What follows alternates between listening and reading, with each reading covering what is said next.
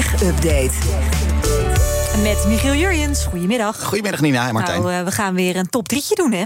Ja, we hebben zoals ieder jaar ja, heel veel bijzondere overnames... en ook pogingen tot overnames gezien. Vaak ook met een hoop drama erbij. Dus ik heb zo uh, de top drie overname-soaps voor je, Nina. Oké, okay, maar eerst gaan we even kijken. Uh, de grootste chipmaker ter wereld... die produceert sinds vandaag een nieuwe generatie chips. Dat is de Taiwanese, neem ik aan, hè? Ja. grootste TSMC. Ja, zeker, zeker. We hebben het over TSMC inderdaad uit Taiwan. Een van de grootste klanten van dat TSMC, dat is Apple. Daarmee een ontzettend belangrijk bedrijf. En het nieuws vandaag is inderdaad dat in een fabriek van TSMC in Taiwan... vanaf vandaag op massale schaal chips geproduceerd worden... met de zogenaamde 3-nanometer technologie. Kort gezegd zijn dat chips die net weer wat kleiner zijn... dan uh, wat nu gangbaar is. Zo'n chip is dan ook weer krachtiger, tegelijk ook energiezuiniger. Dat is mm -hmm. het idee. Samsung, concurrent van de TSMC... die uh, zijn al sinds de zomer bezig om die 3-nanometer chips te produceren. En die gaan we de komende jaren dan terugvinden in smartphones, in computers. Het zou goed kunnen bijvoorbeeld dat de iPhone 15... die wordt volgend najaar verwacht... dat die zo'n nieuwe 3-nanometer chip van TSMC heeft. Ja, en die gaat dan ook weer een stukje langer mee. Dus je telefoon wordt er sneller van. Ja, ja, ja. Dus uh, dat is op zich allemaal prettig nieuws. Ja, stapje vooruit, verder weer, zeker. Altijd fijn zo richting het einde van het jaar. We gaan nu weer lekker terugblikken. Tech Top 3. En je zei het al, we gaan het over de overname soaps hebben. Uh, nou, begin dan even met nummer 3, dan werken we af naar nummer 1. Ja, zijn we zo meteen bij uh, nummer 1. Het zal niet een hele grote verrassing zijn wie er op nummer 1 staat. Kom, kom, kom, Laten we het spannend maken, mensen. Ik, ik moet geen spoilers gaan doen, je hebt gelijk. Op nummer 3 vinden we Microsoft. Dat nu al bijna een jaar bezig is om Activision Blizzard over te nemen. De grote gameontwikkelaar. Het bedrijf achter onder andere de Call of Duty-reeks. Games die door tientallen miljoenen mensen gespeeld worden wereldwijd. Overname werd aangekondigd in januari, bijna een jaar geleden. Dat is echt al zo lang geleden. Ja, ja zo snel gaat zo'n jaar. Mm. Bijna 70 miljard dollar uh, daarmee gemoeid. En het gedoe dat begon eigenlijk meteen bij de aankondiging al. Want Activision Blizzard was op dat moment negatief in het nieuws. Dat ging over misstanden, grensoverschrijdend gedrag op de werkvloer. En juist op zo'n precair moment meldt een reus als Microsoft zich voor een overname. Ondertussen zijn veel gamers bang dat Microsoft met deze stap veel te machtig wordt in die game-industrie. Uh, en let wel, ze zijn al machtig. Ja, Zij ontwikkelen precies. zelf games. Uh, ze zijn het bedrijf achter de Xbox. Grootste concurrent van de Xbox, dat zijn dan weer de Playstations hè, van Sony. Sony uh, is bang dat een serie als Call of Duty straks dan alleen nog op de Xbox gespeeld kan worden en niet meer op hun Playstation. En dan zijn er ook nog overheden. De Amerikaanse Federal Trade Commission die kondigde deze maand aan dat ze die overname willen gaan tegenhouden. houden. Ook toezichthouders in de EU en het Verenigd Koninkrijk... die moeten hun fiat nog geven. En dit was dan nog een korte samenvatting, want er is heel veel meer gebeurd. Collega Joe van Burik die weet hier nog heel veel meer uh, van. En dit is leuk, morgen in de ochtendspits... dan blikt hij ook nog wat uitgebreider terug op deze soap... die nog lang niet klaar is. Nee, die gaan we gewoon heel 2023 gaan we die nog Zeker, meepakken. zeker. Maar met jou gaan we nu naar de nummer 2. Ja, die overname is wat minder in het nieuws geweest. Zeker in Nederland. Het is misschien ook wat abstracter dan Microsoft en Activision Blizzard... maar toch ook een grote zaak.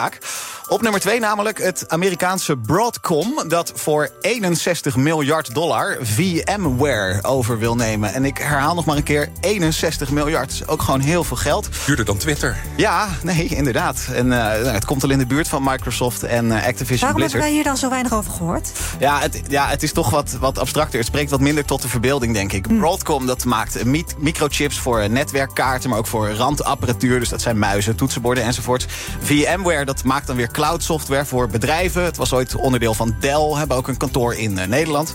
Nou, Broadcom en VMware die maakten in mei samen bekend... dat er een overnamedeal was. Broadcom is dan de grote speler... die een relatief wat kleiner bedrijf overneemt. Nou, bij VMware was er heel veel personeel dat dat niet zag zitten. Die wilden niet voor Broadcom gaan werken. Nee. Uh, het staan toch een beetje bekend als een keihard bedrijf... waar uh, winst maken uh, heel belangrijk is... maar misschien wel zo belangrijk dat de mensen soms een beetje vergeten worden. Nou, bij VMware meerdere managers vertrokken. klanten die bang waren dat ze veel meer moesten gaan betalen... voor die software die VMware maakt. En dan kom ik ook weer bij de toezichthouders. we noemden ze net al, de FTC in Amerika doet al sinds de zomer onderzoek naar deze deal. Uh, Margarethe Versteger, de eurocommissaris voor mededinging uh, hier in de Europese Unie, heeft ook gezegd dat ze bang is dat de concurrentie in ja, deze tak van bedrijfssoftware dat die dan in het geding komt.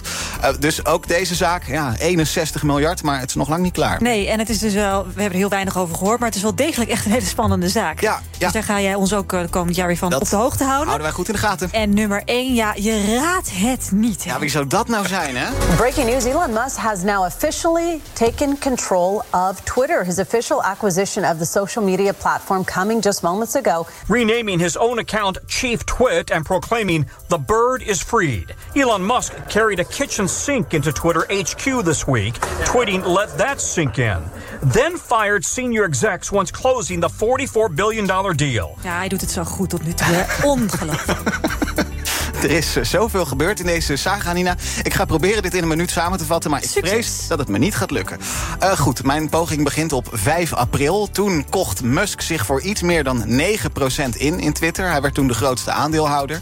Gooide ook wel eens speels op Twitter een balletje op. Hè? Zou, ik, eh, zou ik dit bedrijf misschien moeten kopen? Zou dat een leuk idee zijn, ja of nee?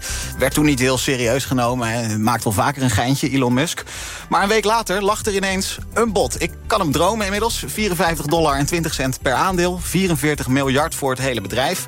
Twitter zelf ging eind april akkoord. Een paar weken later liet Musk dan ineens weer weten... toch niet doen? Ik wil het toch niet, of tijdelijk on hold. Dat is wat hij toen zei. Hij had ruzie met Twitter over ja, hoeveel spamaccounts... zijn er nou eigenlijk actief op dat platform. Spamaccounts reageren niet op advertenties. En advertenties, dat is natuurlijk het verdienmodel... van die sociale mediabedrijven. Twitter zei, ja luister eens, we hadden een deal...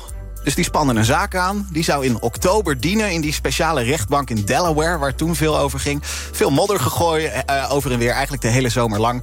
Maar toen ja, eind oktober ineens die scène met de wasbak... in het hoofdkwartier in eh, San Francisco, de overname voltooid... Toen begon de soap eigenlijk pas echt. Het, de massa-ontslagen, gedoe met betaalde abonnementen... blauwe vinkjes, adverteerders die wegliepen...